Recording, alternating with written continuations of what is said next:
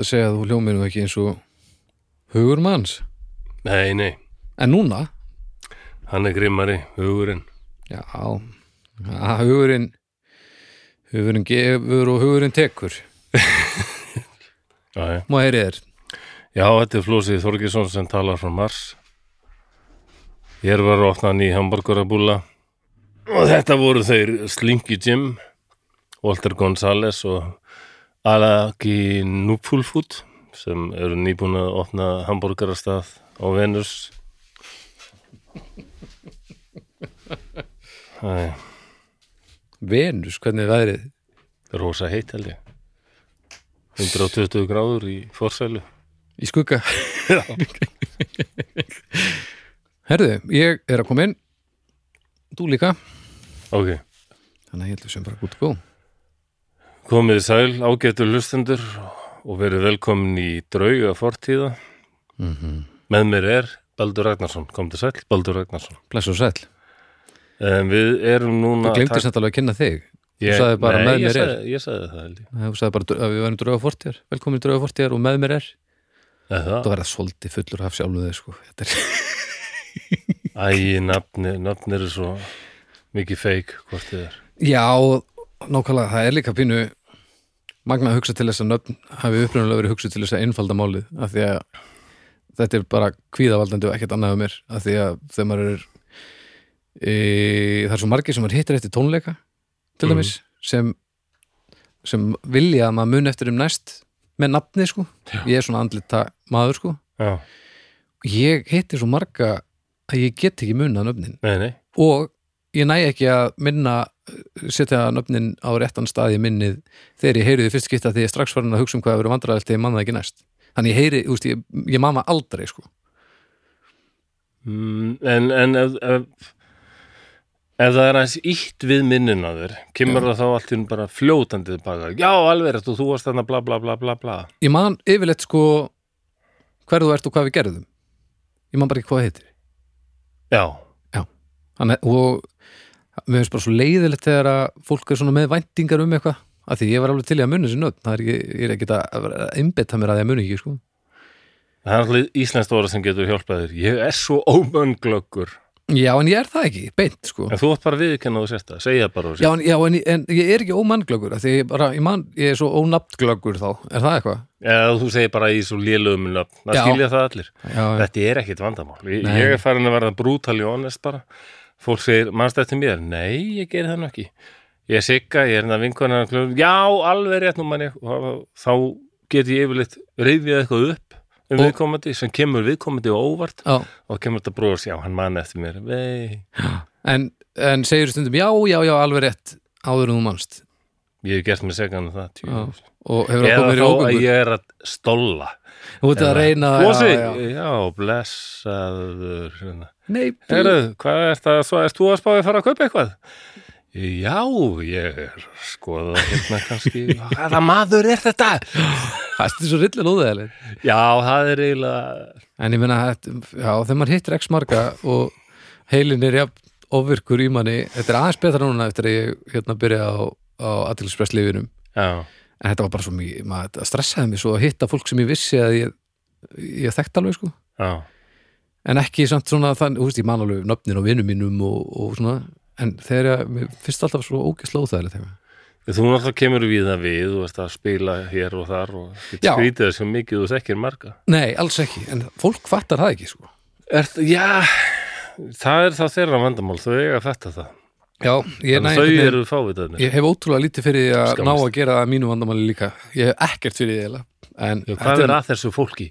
Þið hangi bara heima hjá okkur og gerið ekki neitt. Það helsta sem þau gert er að þið voruð í skemmtinandi í mentaskóla þegar þið voru í öðrum bekk. Aldrei neitt annað, þessi maður spilar í mörgum hljómsveitum, er gera alveg fullt af hlutum. Og þið farið fíl út af því að mann ekki eftir ykkur, hvað er þetta? Óraunhafar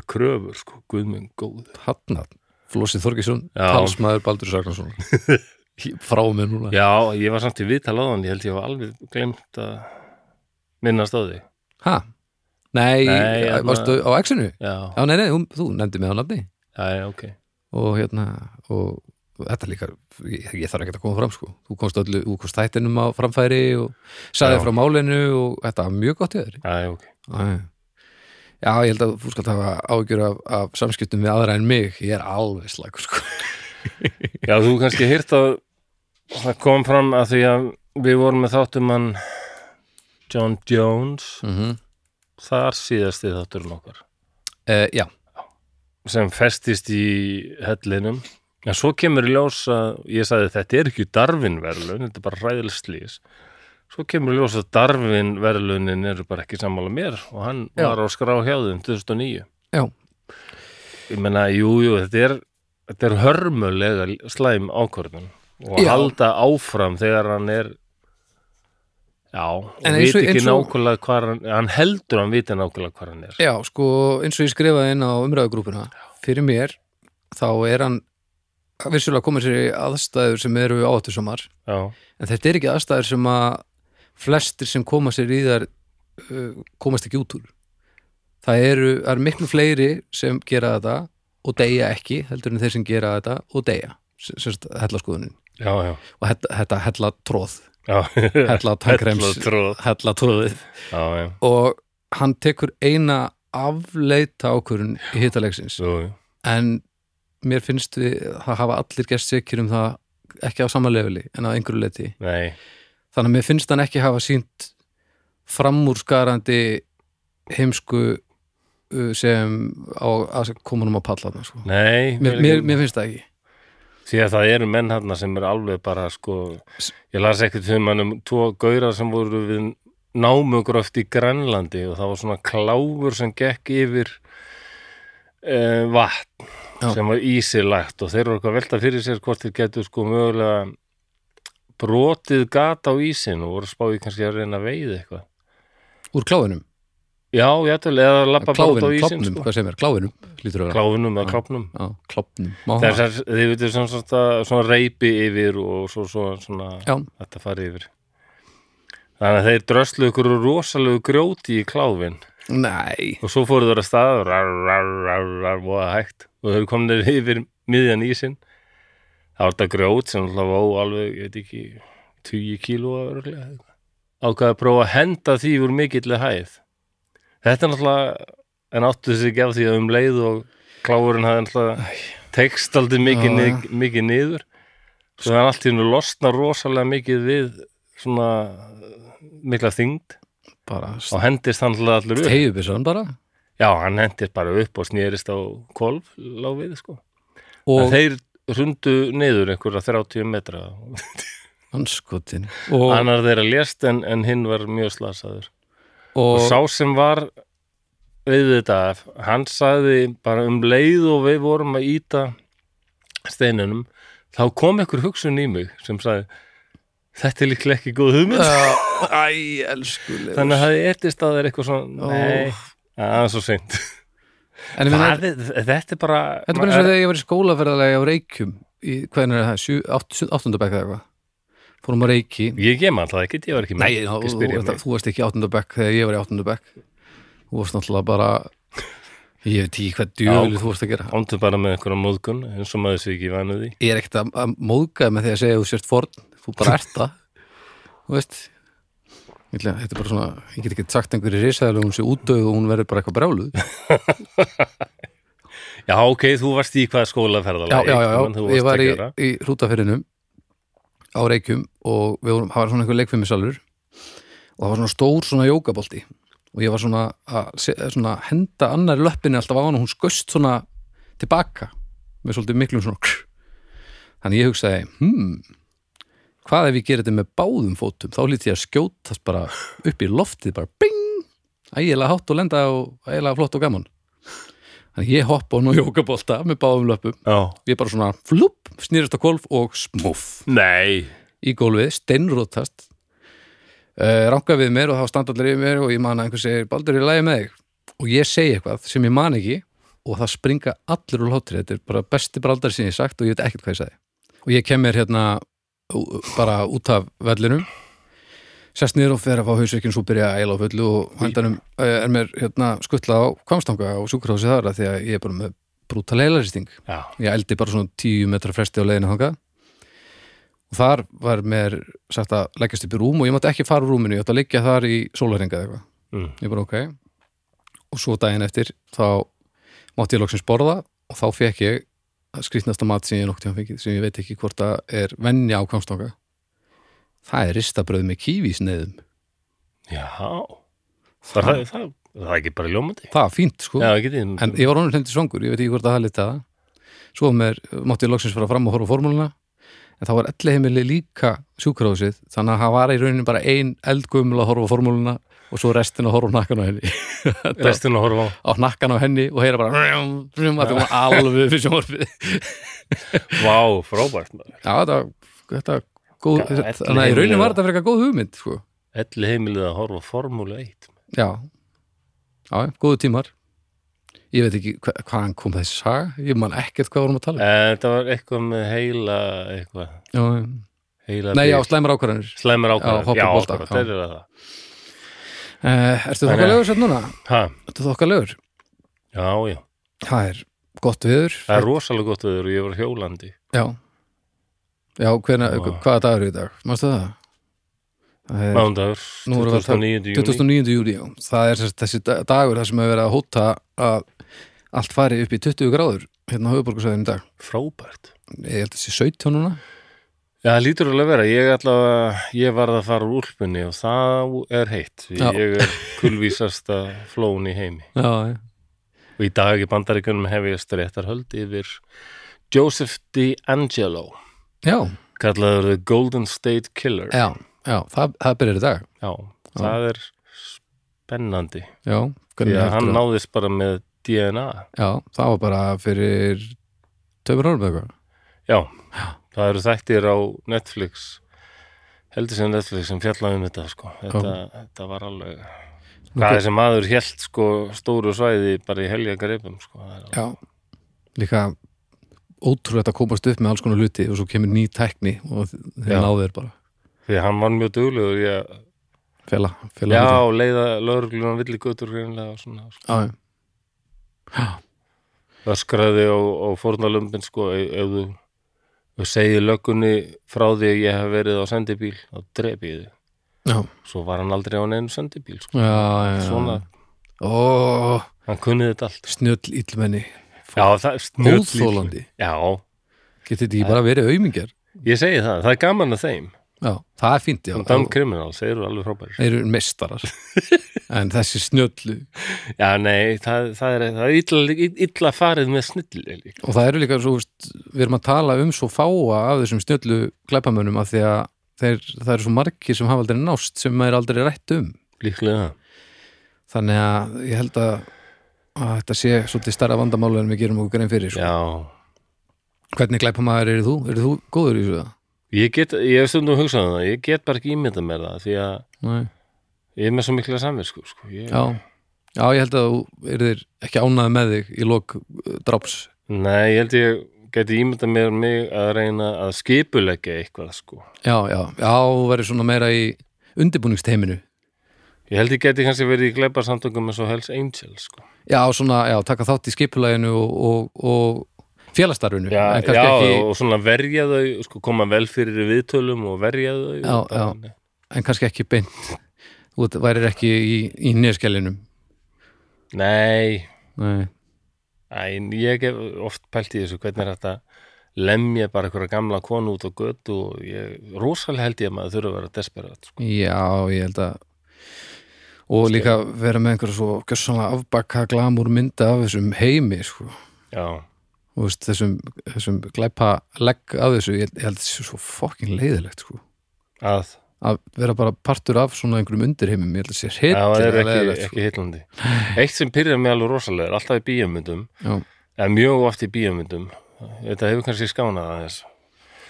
En eh, alltaf hefur komið eitthvað svona glæbona partí já, það er alltaf verið að spila þungarokk. Já, óþólandi Já, það vita allir sem hafa komið í svona glæbona partí ég hef komið í nokkur sko. Mm.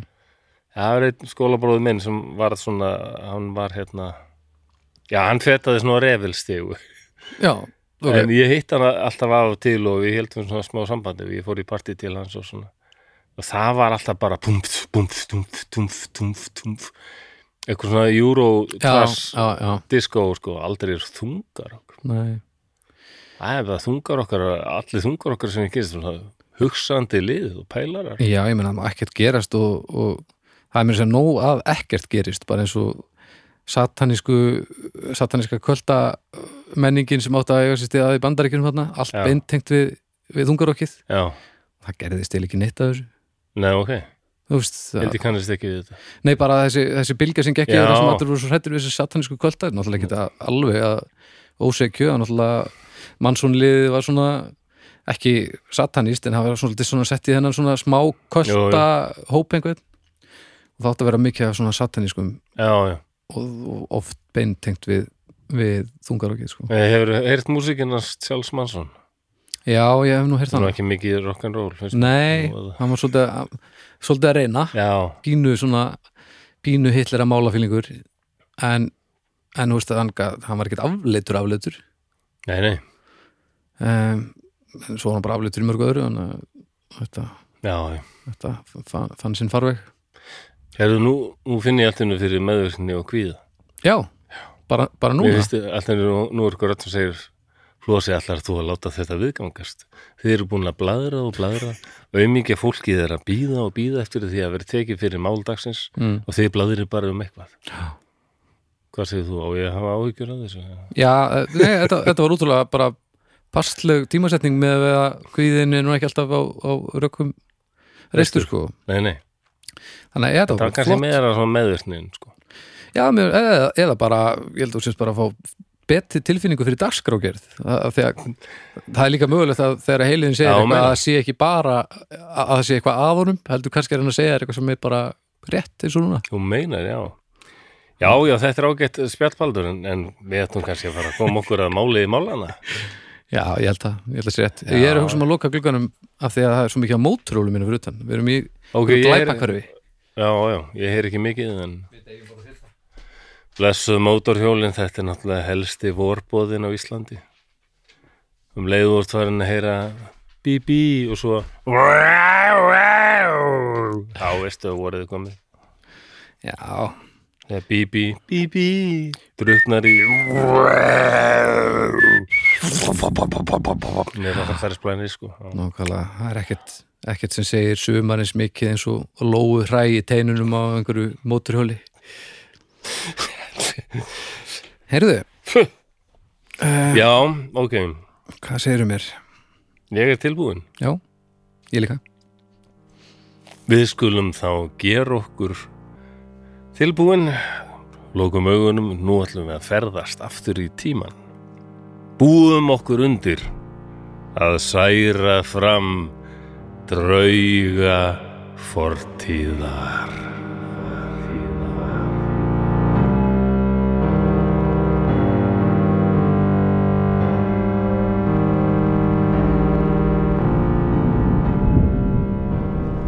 Þetta eru endalokin. Egi veit ég hvað við höfum gert til að ángra skapara vorn og föður, en það lítur hafa verið svo ægilegt, því reyði hans er mikil. Jörð hristist og skelfur, eldar kom úr yðrum jarðar og sjást vítis strókar þessir langt að. Vér vitum eigi hvort er nótt eða dagur. Þetta blágráa mistur er svo þykkt og illt er að anda því að sér. Allir sem fyrir voru lungnaveikir eða áttu í tvílíkum hilsufars vandræðum hafa þegar gefið upp öndina. Stundum sést til sólar. Hún er eldrauð og gefur af sér enga líu. Þetta hófst síðasta kvítasunnudag, þann 8. júni á því herrans ári 1783. Vorið hafði verið gott og hlýtt, það stemdi í afbrað sumar og allir voru gladir í hjarta. En skömmu fyrir hádegi tóku að heyrast drunur og dyngir. Setna sáum við kolsvartan mökk stíga til heimins í norðri. Hann breytist brátt yfir sveitir allar og svo dimmt varð inn í húsi að ekki sást handaskil. Utan dýra fjall aska svo þétt að við skildum eftir okkur spor í henni. Regn fjall til jarðar, en það var svart og súrt og brendi húð manna og dýra. Gerði jafnvel göt á klæðunað. Þetta þótti okkur eðlilega slæmt, en það átti eftir að verða verra, svo miklu verra. Nú, tveimur mánuðum síðar, stend ég upp á fjallinu Kaldbak, norður af kirkjubæjarklustri. Við fórum hingað þrýr til að aðtuga hvort við sæjum upptök þessara hamfara. Fyrir sjónum mér er eitthvað sem gæti verið beint frá helvíti. Í norðvestri er eldveggur sem eflaust er tugir kílómetra á lengd og eldstrókarnir tegja sig mörg hundruð metra til himins. Eldglóandi hraun æðir fram sem heljar fljót. Ég held að nú séum miðnætti en við höfum fyrir löngu mist allt tímaskinn í þessum hryllingi. Loftið er blágrátt og illt til innöndunar. Ég hef sveipað dölu um höfuð mér og svitna svakalega. Enda er sjóð heitt þótt raunflóðið sé mörg hundru metrum frá mér. Hitin er nær óþólandi. Jörð hristist og það eru stöðugir skruðningar, dingir og sprengingar. Nótt sem nýtan dag. Allt kvikt virðist dögt. Fuglar fljúa ei meir. Liggja allir dauðir og víð og dreif. Urriðar, silungar og laxar fljóta dauðir upp á yfirborð vatna og eigi er óhætt að borða þá. Allt virðist eitrað. Dauði er allstaðar. Í mannabyggð er þvílík skelving og hræðsla meðal þeirra sem enn lifa. Bæði börn og fullorðnir gráta og kveina linnulaust. Það er fáu skettnur sem enn er á lífi. Laupa um sem styrlaðar, rínandi og veinandi. Um allar sveitir reykar um fólk. Nær máttvana af hór og hungri. Hár hefur rotnað af bæði ungum og gömlum. Gómar, tannhold, bólnað og sprungið. Rán, þjófnaður og allskins óöld færist í aukana. Það er því líkast að helvíti hafi ákveðið að nema land á yfirborði jarðar. Guð hefur yfirgefið oss. Endir er nær.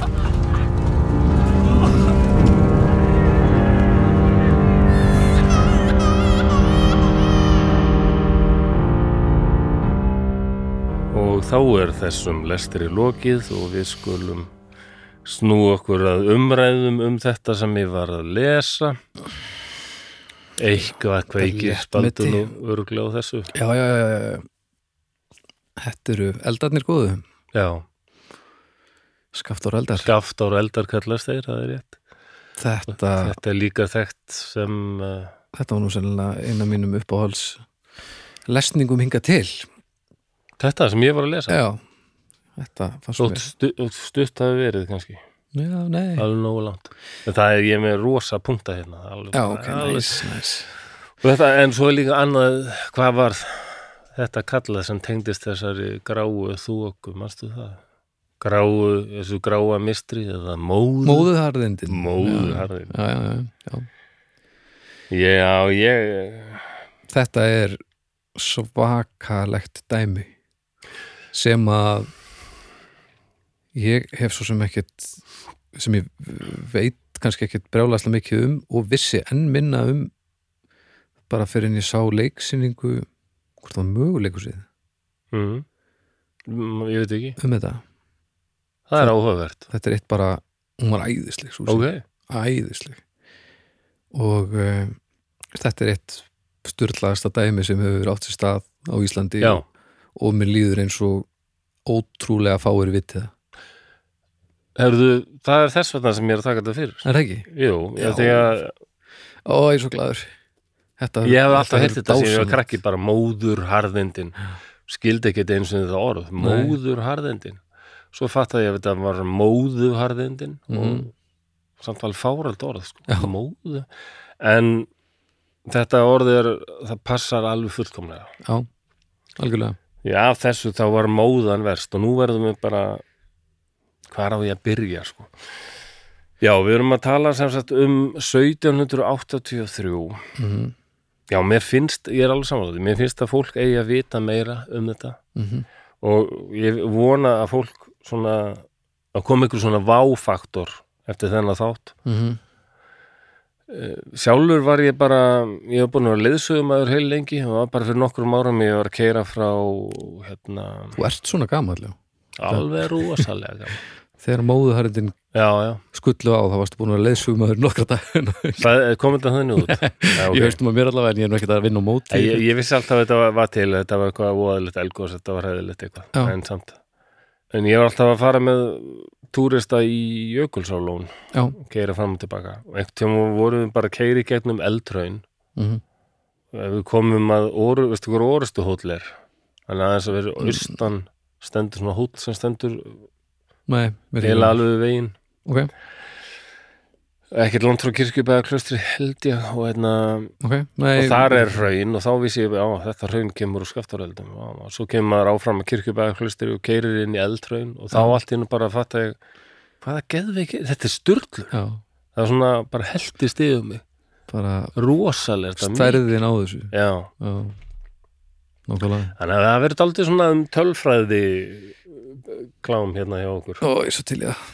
Býðum sem sagt, þetta er 1783 lagagígar eru 25 kilometra löng gígaröð vestan vatnajökuls Mm -hmm. heitir eftir Móbergsfjalli sem heitir Laki sem er cirka 800 metra hátt Mm það er alveg hægt að keira ánga það verður helst að fara á bíl sem er 404 Mhm. en ég hef farið ánga á Suzuki Jinmi sem fór létt með það sko. Já, næs. og það er eiginlega ótrúlega að koma þarna ég er alveg sannferður um það ef það væru frumbyggjar hér á Íslandi sem væri betri tengslu við landið heldur en við erum Já, þeir hefði eitthvað svona orðið yfir þetta eitthvað hérna, gugudút, já, já. já. gugudút sem þýr eitthvað hérna svæði dauðans Þetta er svolítið sem döðafjallið í, Já. í Diallof. all, ég er sannferður um það Já, þegar ég fór þarna og það var svo mikil dauðaþögn já. og ég labbaði um í gígunum og ég fattaði allt í ná- aldrei? Já, nákvæmlega. það var dauðaþögn Það er eitthvað sem ég spurði landverðina að þessu og þeir, þeir sögðu ég að það er oft svo þrúandi þögt hérna að mann er bara það er bara líku við að mann er sendur ekki sama sko. Það er svo sjálfgeft að maður lendi í algjöru þögn. Líður þeir vel í þannig aðstæðum? ég er með svona smá tinnitus þannig ég heyr alltaf lendir aldrei í algjöru þögn. ég vil, mér er gott að heyra kannski aðeins smá vindknöð eða eitthvað svona Já, bara til að fylgtir út já, ef ég lappinu svona stúdíuherbygg ég lappinu stúdíuherbyggi sem er svona sér hljóða Já, einangan steindött. það er bara úþægilegt Það eru margir sem tala um þetta. Ég finn þetta ekki, sko. nei En það er kannski að því að ég er búin að eða svo miklum svo, svo, mik, svo miklum góðum tíma inn í svona rýmum. Já, þú ert líka með ADHD, þannig að það er endal háfað í hausnum á þér. örugglega. Já, já, þögn er ekkert að fara að slá á það, sko. Það er brjálaði maður inn í hausnum á þér sem er bara alltaf að skip sem er að horfa á sjö sjómanstæður einu er, er skiptir bara bara- hverju sekundu. Eða, sagt, eða eins og þegar ég hitti þig þá segir hann mér á tólf vegu hvernig þú ert og gætir verið og hafir verið. Allt í einu. Og, og mögulega er ekkert að þið rétt. Já. En Þá vil ég freka að vera þunglindur. Já, Já. allir vinna eða allir Já. tapa eða eitthvað, ég veit ekki. Blessa þunglindið og kvíðin, vinir mínir. En já, Elgóst hóst á kvítasunnu dag 8. júni 1783. 8. júni, þetta er bara alveg byrjun. Júni, kvítasunnu degi, Já, já. já. Það hefur verið mikið um jarðskjálta þar á undan og þetta er ekki bara mannskeiðasta eldgós Íslandsugunar, heldur bara eiginlega eitt mannkynnsugunar. Það er bara eitt eldgost síðustu þúsund ár sem er stærra en þetta. Það er hérna Mount Tambora í Indonésiu og nú mann ég ekki, ég glimt að skrifa hjá mér hvernig það var. Já, Það er ekki svo langt síðan held ég. Tambora, Indonésiu, það er mjög frækt eldfjall sko. Indonésia er alveg, það eru rosalega eldfjall.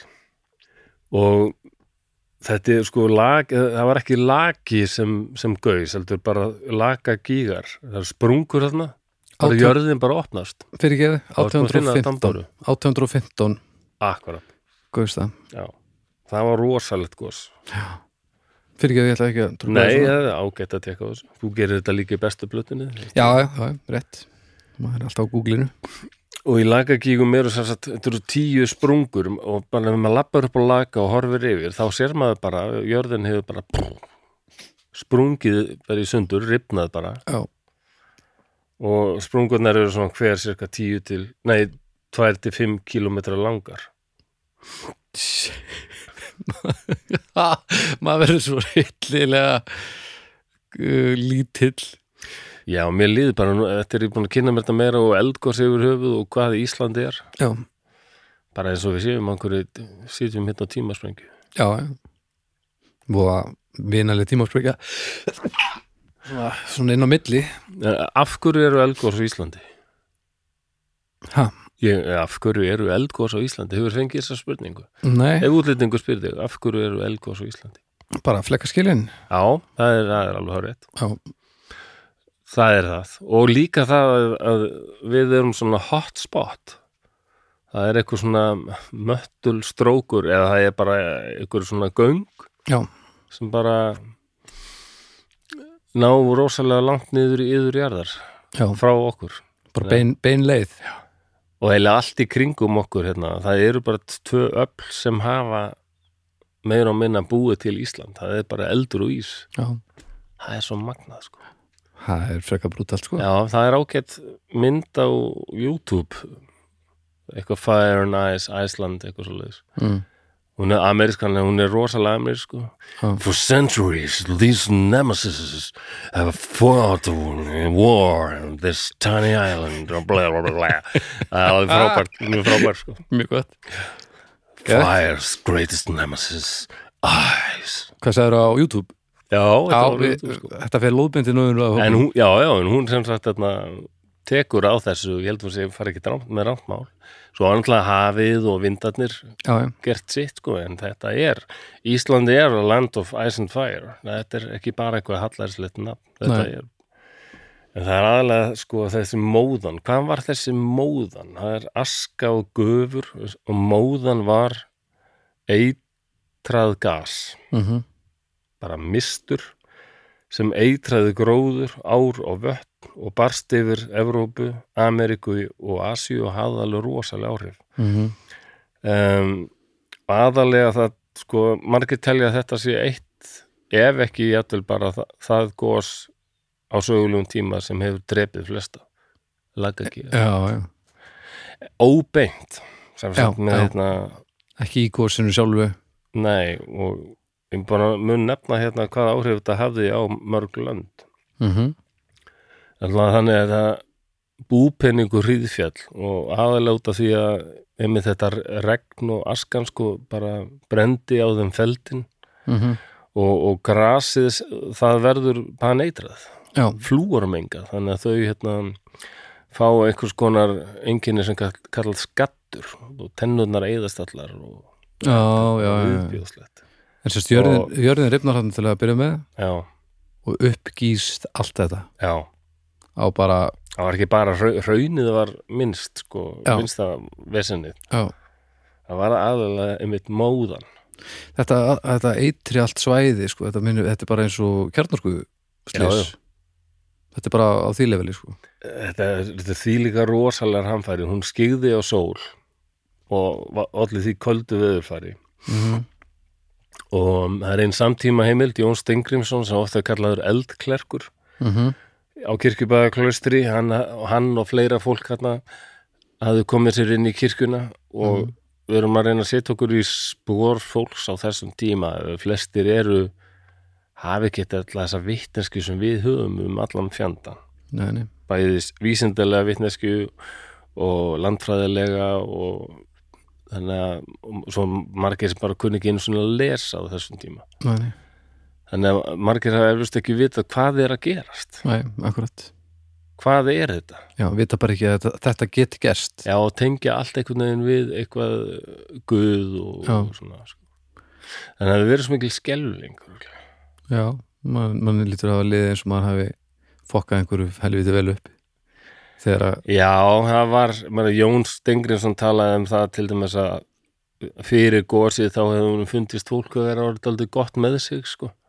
Mm, að það hefur góð svona nóg að býta og brenna og fólk hefur já. Já, ekki, ekki skamma sér nógu mikið að vera til. Þannig að hann hefur upplegað þetta bara bara svona eins og hrunið 1783 já, já, þessir, þessir mótmælendur og alltaf með þetta, þú áttir- alltaf að vera ósælega guðhrættur og ekkit njóta lífsins svo mikið. Nei, akkurat. Menna, ég telst nú heiðinu, ég kem af katholikum og mér finnst þessi mótmælenda trú alveg óalega ógætleld allt og þútt já, og hérna, en er semst 20. júli 1783 þá skrifar hann Jón Stengrimsson þegar þarna, þau voru í kirkjunni.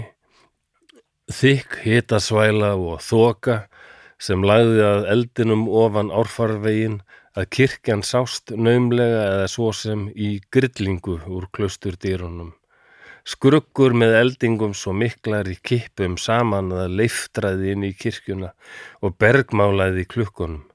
Stöðugar jarðhræringar svo skólfið skalfundir fótum okkar.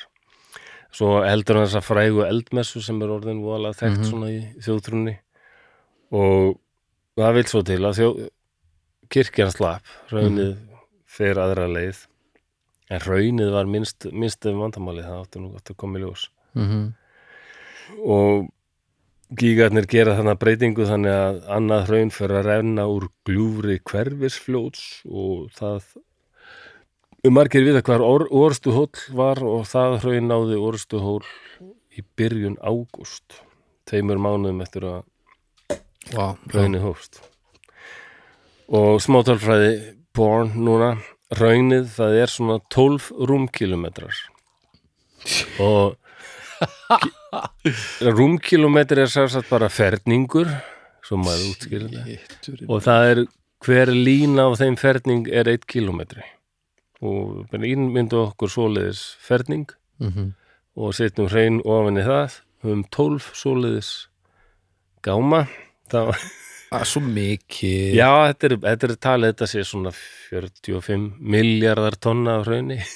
45, Já. Já, það er á mikið sko. Já, það er rosalega mikið. það er bara- vel lagt sko. Þetta er er eitt mesta raun rensli bara á sögulegum tíma, sko. maður er ekkert að fara að móka þessa hlaðinu sko. Nei, ma og maður verður alveg bara, ég, þau var að keiri gegnum þetta hraun, en svo þegar ég var að koma frá Lakagjú, þá vill svo til að það er slís sem var átt sér stað svo að hérna, vegurinn var lokaður, ég, og löggan sagði mér að hún getur kert hérna meðalansvegin. mm. sko hann er, hann er eiginlega alveg við, það er afleikari alveg við kirkjubæðaklöstur og maður keiri bara beint í söður og svo beigir hann Jú, í jú, vestur já, já, já. og kemur aftur inn á þjóðvegin þetta er svona u já, já, já, og þá, það var alveg frábært því þá fylgdi þessu hraunni bara áfram í söður og komað endumörkum þess. Sást bara hvert þetta fór. Já það var næstu því að munaði bara engu. Það er bara við sjóin eiginlega. Það er alveg ótrúlegt. Það er bara erfitt að ímynda sig hvernig það hefur verið að vera þannig upp á þannig upp á kaldbaka og horfa yfir þetta og sjá bara þetta, raun haf. Nákvæmlega. Og það eiðilaði cirka 20 bæi þetta raun og það þekur nærri 600 ferkilometra svæði það er svona já mjög eiginlega bara eins og Reykjavík, Kópavúgur, Garðabær, Hafnarfjörður og Seltjarnanes samanlagt. Og á Reykjavík það er semst bara allt sem sagt Nákvæmlega. grafavógur, breiðholt. Úf, maður. Já þetta er þokkalegt Já, þetta hefur verið svakalegt. Og þetta raun ferðaðist alveg um 15 km á dag Og hvað gerist þetta? Nú um þjóðar, þjóðarinnar róst í þessum hamfyrum. Fjórðungur Já, 10.000 manns. Það er svona eins og 90.000 myndu degja í dag. Myndi okkar munu 90.000 í dag? Nei, Dróp í hafið já. Þetta er. Vá, og þannig að þrátt, fyrir við séum náttúrulega fáránlega sko það er ekki að líka því saman hvað við erum betur í stakkbúin heldur en þetta veimingjar fólkið á seintu átjöndöld þá er þetta samt alveg ég held að svona hugur flestra er þetta aldrei upptekin af þessu eitthvað svona gerist í dag. Já, heldur þið? Ég held þeir eru algjör bomba, sko. Já, Ég held að kemist lítið að annað. Nei, nei. Já, held ég líka. Það var ekki mikil, ekki mikil gúrkutíð í fjölmjölum allavega? Nei, allir það, Nei. allar að spyrja einhverju? Já, e, þetta, þetta raun hvað leikur þetta yfir á lungum tíma? Veistu það? Já, ég veit ekki Nei, pælið húst hver, hversu langan tíma það tekur að þekja þetta sveið en ef þetta eru 15 km á dag Já, eitthvað já. þá er þetta samt, þetta er samt alveg frekar brútal sko Það fór frekar rætt yfir sko. Já, Það komst þarna í einhvern árfarveg og já, já En ég veit ekki nákvæmlega hvað það er Nei, nei. Það er ef einhver hérna úti veit það betur þá, þá er umráðhópurinn endilega, Kannski hefur það að stoppa þegar það fór að kólna sko. og það fór það fór sannarlega að kólna. Já. Veturinn sem fylgdi sko 1784-5 þannig að þetta, þetta hefur svo mikil áhrif á þessi móða, hún hefur svo mikil áhrif á loftströymana mm og veturinn sem fylgdi í kjölfærið þessu var eitt svo kaldasti á öllu landinu. Ég held að sé bara í dag telir eitt svo kaldasti í sögu landsins. Hafís lokar nær öllu landinu alveg lokað að norðan Já. norð, norðanverðu og, og, og meira en vanalega. Aldrei meiri þörf fyrir góða peysu og, og þá er allar rollina gallsúrar ógislar þannig að Já, þú getur, bara- getur bara farið einhverja súrpeysu. Og það myndast ásalegur fólksfljótti og, og hungursneið já, að 80% af öllum kindum drápust. Já, og 50% af öllum hestum 50% af öllum naut, nautum. Já, og það má segja að Lakagíg er allir margir muna eftir hérna Eyjafjallajökli 2010 mhm. Sko Lakagígar er eiginlega eins og Eyjafjallajökull sinnum 50 kannski meira en það. Nú, Já. Ó, Og hvað er þessi móða? Þetta er náttúrulega aðalega vaskufa en í þessu er koltvísýringur, brennisteins, tvíoxíð, mhm klórsölt og flúorsýra. Þetta er, þetta er bara nasti stöf. já, þetta hljómar ekki eins og eins og lungun mín þau er ekkert að byggja um þetta Nei, en það talið að svona 150 miljón tonn af þessum baneitruðu gastegundum fór út í andurslöftið. 150 miljón, 150 uh, miljón tonn. Og þetta veldur sko breytingum á veðurfæri, búfjárdauða og uppskerubresti. mhm Og þannig að það er kalt og ekkert til að borða. já Og bara þú myndir vantarlega að segja, já, það er ekki kjöraðstæður. Nei, það er ekki kjörast, það er það ekki Það verður betra, það verður bara frekar hlýtt og nóg að borða Já, Það það er betra að tölur sem hafa heyrst og þykja ekki ólíklegar það er erfitt að meta náttúrulega þetta svo óbeint sko hvað margir létust Já. En tölur sem hafa heyrst er svona það þykir ekki þykir bara ekkert út í hött að áætla að þetta gos skaftureldar hafi á heimsvísu valdi dauða 15 til 20 miljóna manna. 15-20 miljóna já, Já, já. Já. Og nú ætla ég að rífast út í Íslands stjórnvöld sem brúðust seint og illa við þessu og þeir Hannes Finnsson biskup og Magnús Steffensen mm þeir helduðu lengi fram að manndauði hefði verið mestur við sjávarsíðuna.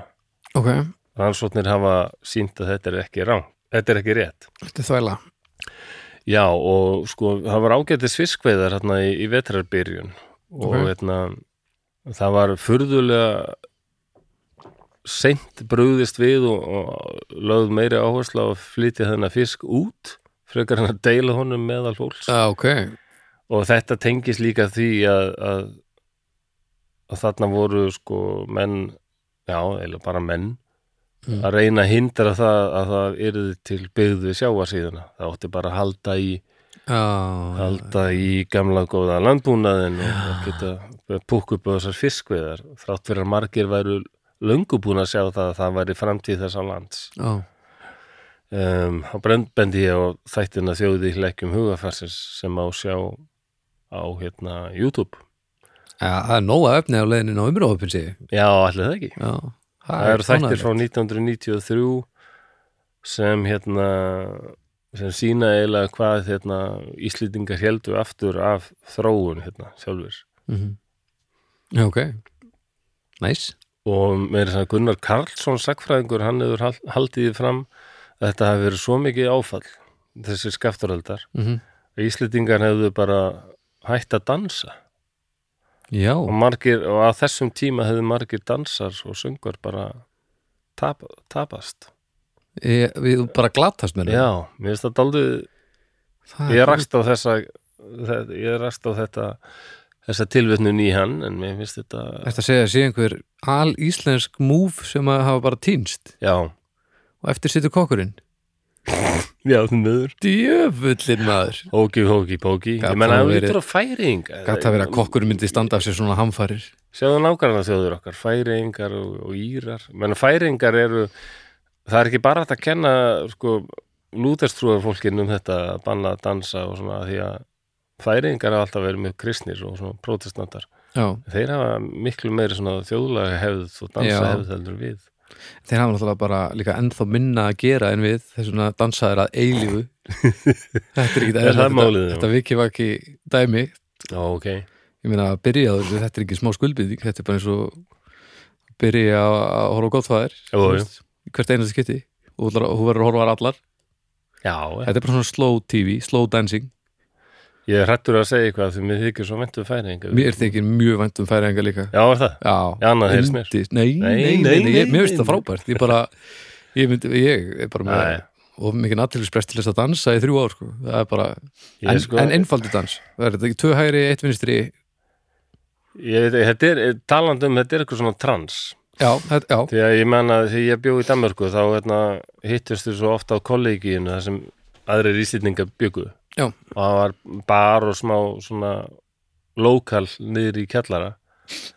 Og færingar íslendingar, færingarnir sko við, við vorum oft með þeim. Þarna voru heri og fleiri þarna strákar þarna sem eru úr tí já.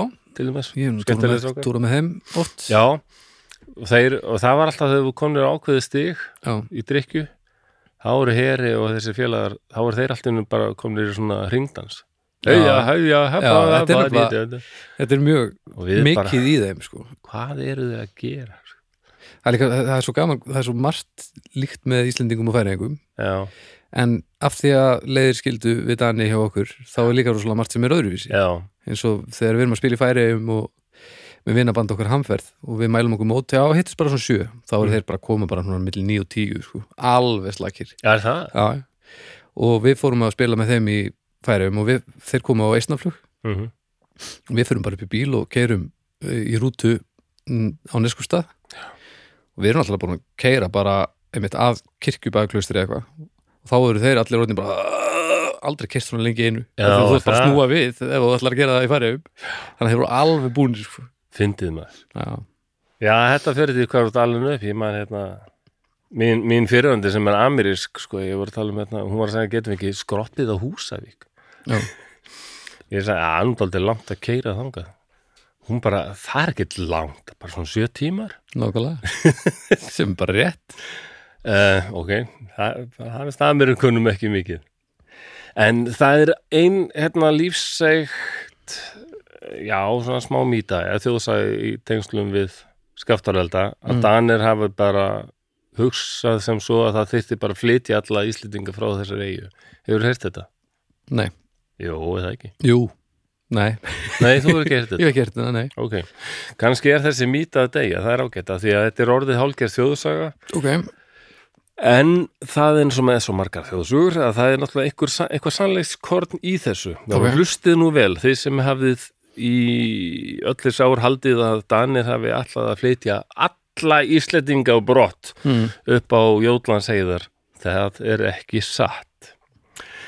Það var aldrei rætt um að gera það en það vissu allir að það væri bara ógjörningur og flestir ráðamenn íslenskir bara vildi ekki heyra minnst á slíkt. Mm. En það var rætt um það að flytja þá sem bara voru á algjörum vergangi, flakkarar börn sem voru orðin foreldralaus og forsjárslaus já, aldraðir sem sagt um, þetta er svona 5-800 manns sem var pælt í sko. Sem- endan var ekkert gert sko. það var engin flutt nei, ok. Það var ákveðið bara að reyna að styrkja Íslandi eins mikið og hægt væri að senda mat og, já, ok, og svo er það líka á sent á átundöld og, og frettir bárust aldrei hægar heldur en í dag.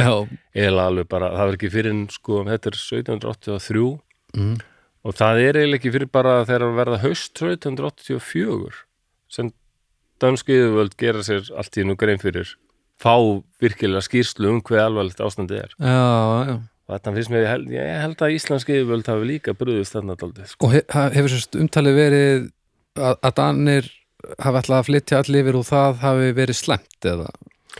Nei, nei, svo sem ekki, það er bara orðin svona þjóðsaga bara að Dani hafi bara hugsað á þessi hræðilega eiga, er bara ekkit byggilegt Já, hérna. þú meinar það, þannig, ég var um þetta að reyna að finna, og við höfum kannski bara næstu orðið öll Danir, en það er ekki rétt nei, ok og flestir íslenski ráðamenn voru á móti þessu að flytja fólk Já. en það kannski vita að það hefur bara alltaf mikið álag og vita það að í, að í Danmörku þá væru þau annars flokks fólks sem en Danir litu niður og Íslendinga við vorum málbúarið þeirra augum sko. Já, já. það ekkit, ekki kannski neitt ákjósanlegt að fara þangað Nei.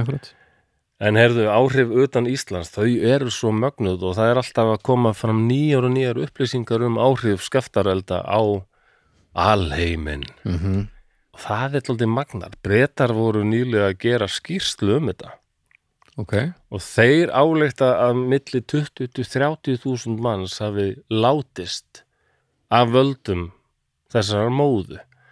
Var mikið til fólk sem var eh, eitthvað lúnaveikt eða margir sem unnu í kólanámum líka.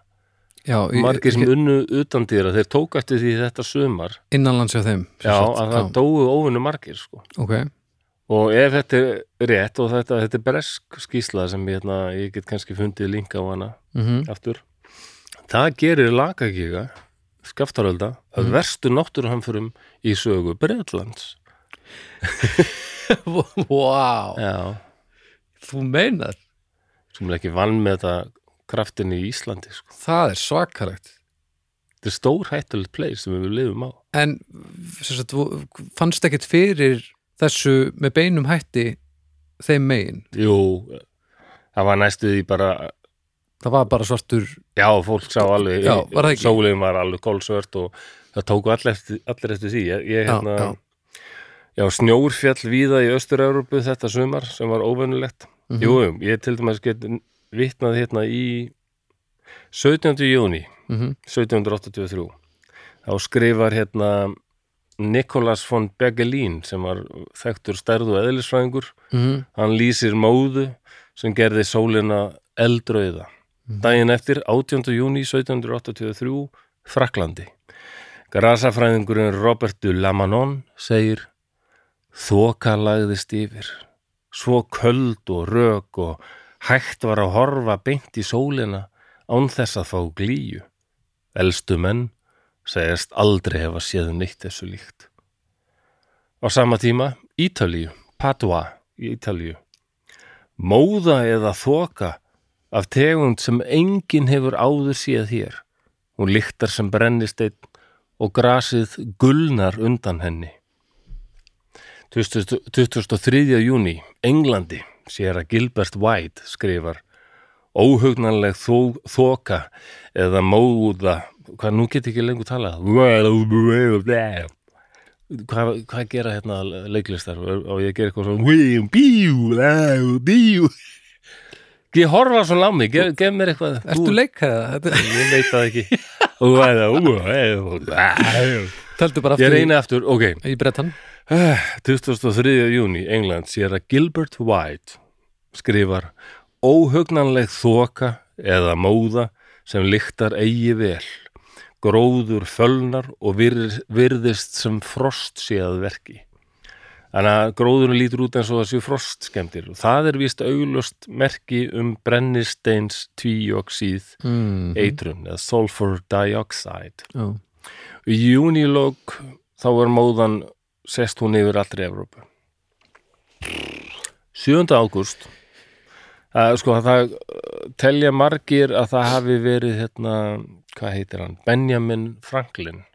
Uh, frægur amerikani. Já, já, aðeins. Já, að hann hafi komið með þá kenningu að móðan tengist elgósinu í Íslandi. En það mun vera franski náttúrufræðingurinn Margus de Montreton. Neldra, Já, það ekki ég, ég veit. noldi dó. 7. ágúst þá er hann með fyrirlestur og að því að fólk er að spá í hvað er þetta já, hann kemur þetta, taka allar eftir þessu. Já. það fer ekki fram hjá neinum. Og seg, hann segir það er samkvæmt að berast þær frásættin að það sé eldgós á Íslandu og ég er handis um að þetta tengist því. Og það fljótlega voru allir sammála því. Þetta, þetta er það. Það voru óvinni mikil þrumuveður í Evrópu þetta sumar um, mjög vinsælt hjá leiðsumönum að segja að þetta olli neyð og uppskýru bresti og hungusneið í Fraklandi mm ánum saman og að lokum hafði fólk þar fengið nóg já, og gerði ákveðna byltingu. Já. 1789 frakkarnir maður, þetta er í letta byltingu Já, það er aldrei það er ekkert svo langsótt Nei, erfiðari tímar kalla á, á hvað maður að segja, róttækari aðgerir Pældi því ef það væri til veiki sem héti langsótt. Langsótt, Hvernig, Ó. hvernig, hvernig ætli hún myndi leik- lýsa, lýsa sér? Þú er slappur í 70 ára og svo derðu. Ég held, Já. að, ég held að heiti nú bara að vera á lífi. Ég held að lífið sé langsótt. Lífið er langsótt. Fyrst fekk hann þáfallsíki sem síðan ágerðist og að lokum dró langsótt hann til dauða. Þáufall síking Já, það er þetta með fransku byltinguna. En sko móðan hafði áhrif á loftströma á norðukvel og hún hafði áhrif á úrkomu. Og á stöðum þar sem úrkomar skipti miklu máli eins og sko í Egiptalandi mm þar rignir ekki mikið en þarna, bakkar nýlar uh, er flæðir yfir þá. -hmm. og þetta, er floodplains á ennsku og þetta er ofsalega en, þetta er mjög næringaríkt svæði. Ok, og það er eitthvað þegar nýlarbakkar síðan minka aftur þá er þetta mjög mikilvægt svæði sko fyrir, fyrir visskerfi bara. Já, og þeir lifa aldrei á þessu. Ok, bara þessar nýl. Þarna gerist bara gerist ekki neitt. Nýl breytist ekki neitt. Sem veldur einni verstu hungusneið sem ennþann dag í sögu Egyptalands wow. Hung, já, er bara að tekka á hungusneiðin 1783-4 eða 1784 í Egyptalandi. 70, 170 íbúa eitt sjötti? Já, það eru nokkra miljónir wow. mikli þurrkar í Norður Afríku þurrkar á Indlandi hungusneið, þúsundir ef ekki miljónir degja þar. Um, alveg óvenju lélega hrískur að uppskera í Japan og það veldur hungusneið sem drefur að minnstakosti miljón manns. Mjög kalt í allri Norður Ameríku þó ekki mikið mannfall en, en töluvert í Alaska um, Mississippi alla leið uh, niður til New Orleans allan veturinn. Það voru klakar og íshrönglar a- alveg niður til New Orleans og það var svona, svona, svona klaki og frost á stöðum sem slíkt hafði ekki sést lengi sko. fólk hætt farið að skauta það sem hefur ekki, hafði ekki verið hægt áður og hefur ekki verið hægt setna eftir það. Þannig að veturinn 1783 hann er eitt svo kaldast í Evrópu. Og það skortur og eldi við skortur og mat. Og þessi skaftáreldarnir olluðu því að næstu vetur eftir þeir voru óvinnu kaldir næstu þrýr vetur já, akkurat já. pældu Þá- í því, þú ert kannski að dreppast úr hungri og kulda og allt í skrúinni Já, þá getur allavega að fara að skauta. Það er ok, það er svona dægra dvöl það var sannlega hægt sko. já, það er lýsingar á því eins og í Hátt Hollandi er svo og það með öllu illt og það allt saman Já, Ég minn einu Þetta er svakalegt. Að ég vona að ég hef komið til leið að lísti aðeins svona hvað þetta var óbóðslega náttúruhamfæriður og hafði, það hafði mikil áhrif á já, allt norður kveljarðar eiginlega og meira til. Já, nákvæmlega. Spurningin er eiginlega ekki hvort heldur hvenar eitthvað svona gerist aftur. Já, Og- En það geta nú liðið alveg nokkur þúsund ár Þannig að, það er ekki endilega komin tími akkurat núna. Nei, svo nú hann ekki. En ég mæli með því að fólk heimsækja lagaki, það er eitthvað alveg og að kynni sér þessa sögu fyrst það er eitthvað, nú er þetta svo friðsætt staður, svo friðsætla maður bara manni manni svona, mann setur hljóðan Já. Eh, Þessi prestur þarna, Jón Stengljónsson já, hann stóð sig hann sér vel í sínu starfi þarna. Já, það, honum ég þekki það ekki mjög vel en ég, ég hef lesið það að hann hugsaði mjög um sín sóknarbörn og, og hérna, Já, og fleiri til. já, hefur mér, já, þetta, þetta, gott ef við, þetta er bara úr þessu leikritildi sem ég sá. já, Það var svolítið farið í gegnum hans og, og hann var, hann var eitthvað ákærður fyrir að taka eitthvað mat eða eitthvað. Hann, hann fór bara og, og tók eitthvað, eitthvað mat sem hafi verið tekin til, til, til að dreifa og bara tók til við að dreifa því meðal sóknarbarna sinna sko. Já, ok, en það var neyðin svo mikil. Já, já, nákvæmlega. og það var hafinn söfnun erlendis sko fyrir Íslandinga aðlið í Danmörku. Já, en það fyrir barst að var seint til Íslands og, og því miður var ansi lítið að því sem einhvern veginn var notað í til þetta. að styrkja þá sem virkilega hefði átt að styrkja sko. Já, já, og það gerðist allt svo hægt á þessum tíma líka akkurat. fréttir bárust hægt og, og koma einhver í verk og svona þetta já, Og veistu hvað það líður langur tímið til að lífið er komið þokkalega sæmilegar horfur hérna? Vá, þetta, er- þetta er góð spurning sko næsta sumar Mm eftir það var víst alveg ágætt Já, ok. þannig að það þokkal sko, og svo þótt að hafa dáið 10.000 manns þarna Mm sem er að já, 1 fjórið eða 50 af þjóðinni þá leið nú ekki langur tíma að, að Íslendingar voru bara búin að retta, Redda því? já, Já. við höfum alltaf verið mjög duglega að búa til aðra Íslendinga Já, það er eitthvað sem við erum liggur fyrir okkur. já, þannig að ég veit ekki hvað ég að nefna mörg ár en, en við höfum frekar fljótað Já, ok.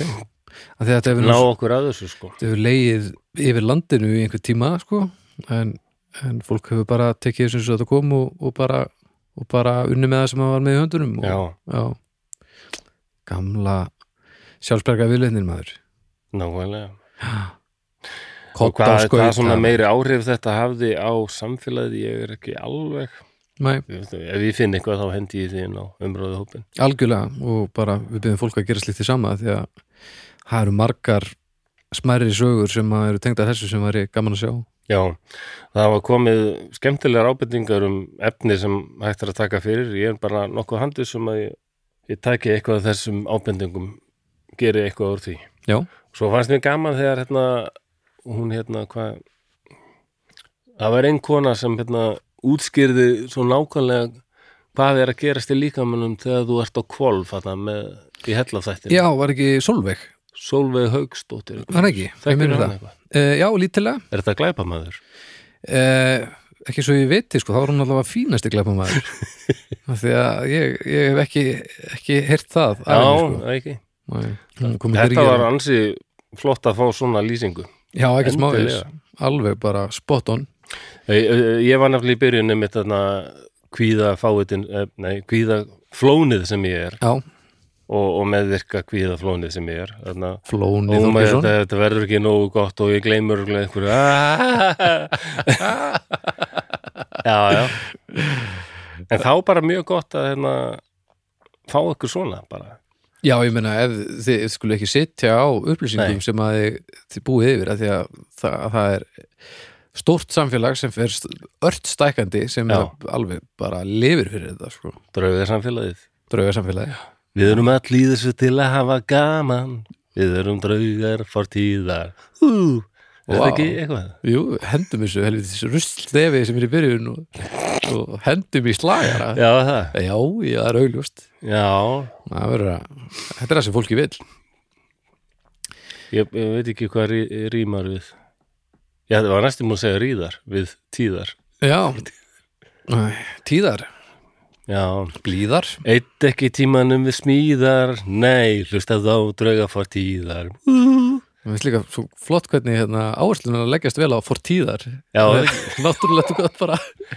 Hákveða, ish Humbúk ég er svo erfitt að sem ég texta nú er bróðin að fara að gifta sig og mér langar að syngja lag í brúðkaupinu. Já, en uh, seinast ég sang lag í brúðkaupi vinna minna. Já, skilduðu já, skildu þau Bara strax? Já, eiginlega bara, ég eðilega þetta bara. Já, ég söng bæði í brúðkaupinu sjálfu og vestlunni já og þetta, já, já. Svo og þar með byrjaði þetta liðist sundur? Já, já, þau bara hlustuðu á mig og lítu á hvort annað og bara hugsuðu bara hvað höfum við gert. Því að ég söng lagum með Nick Cave í brúðkaupinu. Ég ætla að vera að segja, tókstu Wild Roses? Nei, ég reyndi Nei, ég var beðin að syngja Nick Cave þarna Into My Arms. Já, það nú fattar Það var svo grútlegt. Það en, svo- ekki, skilnaðalag en svo söng ég hérna Taylor Swift í brúðgjöfsveislunni hérna. I'm never ever uh, gonna be with you again eitthvað svo liðis Já, Þú að gleyma hvað það heitir. Never ever Æ, ég er svo mann ekki. Nei, nei En ég minna, allt Það sem var flust upp á slæði mitt en núna er ég eiginlega meiri bara Shake It Off er besta lagið sko. Já, ok. Mér langar að taka það það bara live sko. í Já. svona rock útgáfu Já, það er svolítið erfitt fyrir þig Taylor Swift Íslands að- fara þangað, sko. Aha. Já, spila svona mikið rock. Ég held að þetta er að halda það við Taylorið bara. I stay out too late Got nothing in my mind. That's what people say. Uh, That's what people say. Negla Er það ekki? Jú, þetta er enda Bara setja saman countryband sem tekur svona. Ég tek allt tilbaka, bara þetta var geggjað. Já. So I keep moving I can't stop, won't stop grooving. It's like I got this music in my mind saying it's gonna be alright. And the fake is gonna fake, fake, fake, fake. Og svo framvegis. Það er enginn að fara að skilja við þetta, sko. Ha, Það er enginn að fara að skilja við þetta. Nei það er nokkuð. Nei, nei, nei, nei, þetta er bara, þú ert bara að fara manna þennan fjórðung sem við mistum í, í gósinu Já, já, ok. Bara á ein, einni kvöldstund. með heyrist það. En, já, ég, ég er sérst búin að vera að reyna að setja saman einhverja texta að það gengur, ég er svo lélegur í þessu.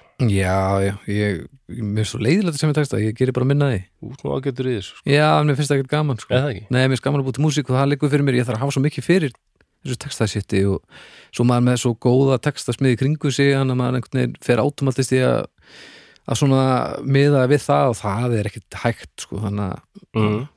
en ég gerir þetta alveg Mér finnst- Í gæður horfði ég á Rocketman um Elton John Já, ég skil mér hana Já, Nei, vegna þess að ég nefndi ekki orða á þessa Queen mynda því að mér finnst Queen rosalega ofmiðtin hljómsveit Ha? Já, mér finnst það Akkur? bara, æ, ég menna ég hef rent yfir plötuna þeirra og þeir eru ekki rosalega góði lagarsmiður þeir eru alveg nokkur lög sko. Ekkert rosalega góði Nei, lagasmiðir svo er þessi söngverð þeirra svo íktur eitthvað og eðilegur Freddy? Já, Já, bassalegarinn er góður. Þeir eru allir mjög góðir. Nei, þetta er of- ofmyndið En Elton, hann er þvílíkur snillingur sko. Já, já, æðislegu lagarsmiður. Já. Og hann, hann var leiðilegur í þessu líka. Þá kynntist hann bara Bernie Taupin mm. sem er alveg frábært testasmiður og bara, bara slakaði hæfileikunum til hans. Já, ég, ég fíla yfirleitt ekki svona hálgera svona söngamyndir en þessi var fín. Já, ég heyrði það, ég þarf að teka á henni. Ég ætla að horfa samt að horfa kvínmyndina líka og helst með þér, fyrst þú ert svona fúll á móti sko. Nei, ok. Ég get tekið upptöku, tekið með Ég get tekið svona brot úr þessu áhorfi og, og slakað hérna inn sem formála eða eftirmála einhvern tímann. Mér finnst sko ein kvínplata mjög skemmtilega, það er Greatest Hits. Það er eiginlega eina góða kvínplata. Já, en ég meina að það eru samt rosalega mörg góð lög á þeirri blötu Já, það er ja, bara eiginlega einu góðu lögin sko. Ef þú gefur út náttúrulega 15 blötur eitthvað, þá hljóta að vera kannski 10-15 góðu lög. Ekki endilega, nei. En annars finnst mér þetta rosalega ofmyndiband Vá. Það, það er ekkert annað. Við, við endum þetta sleggju.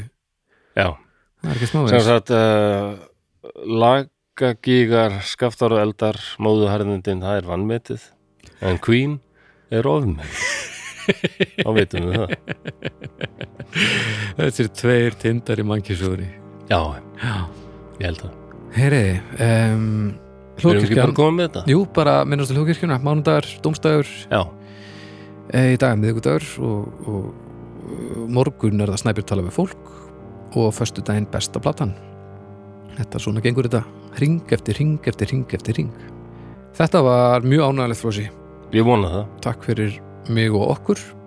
Og takk fyrir mig. við heyrumst bara að viku leiðin er ekki? Jú, farið vel með ykkur og hérna einumst að viku liðinu og þá særum við á ný fram drauga fortíðar. Var þetta einum að mikið? Nei, þetta var alveg passlegt. Ok, takk fyrir og bless. Bye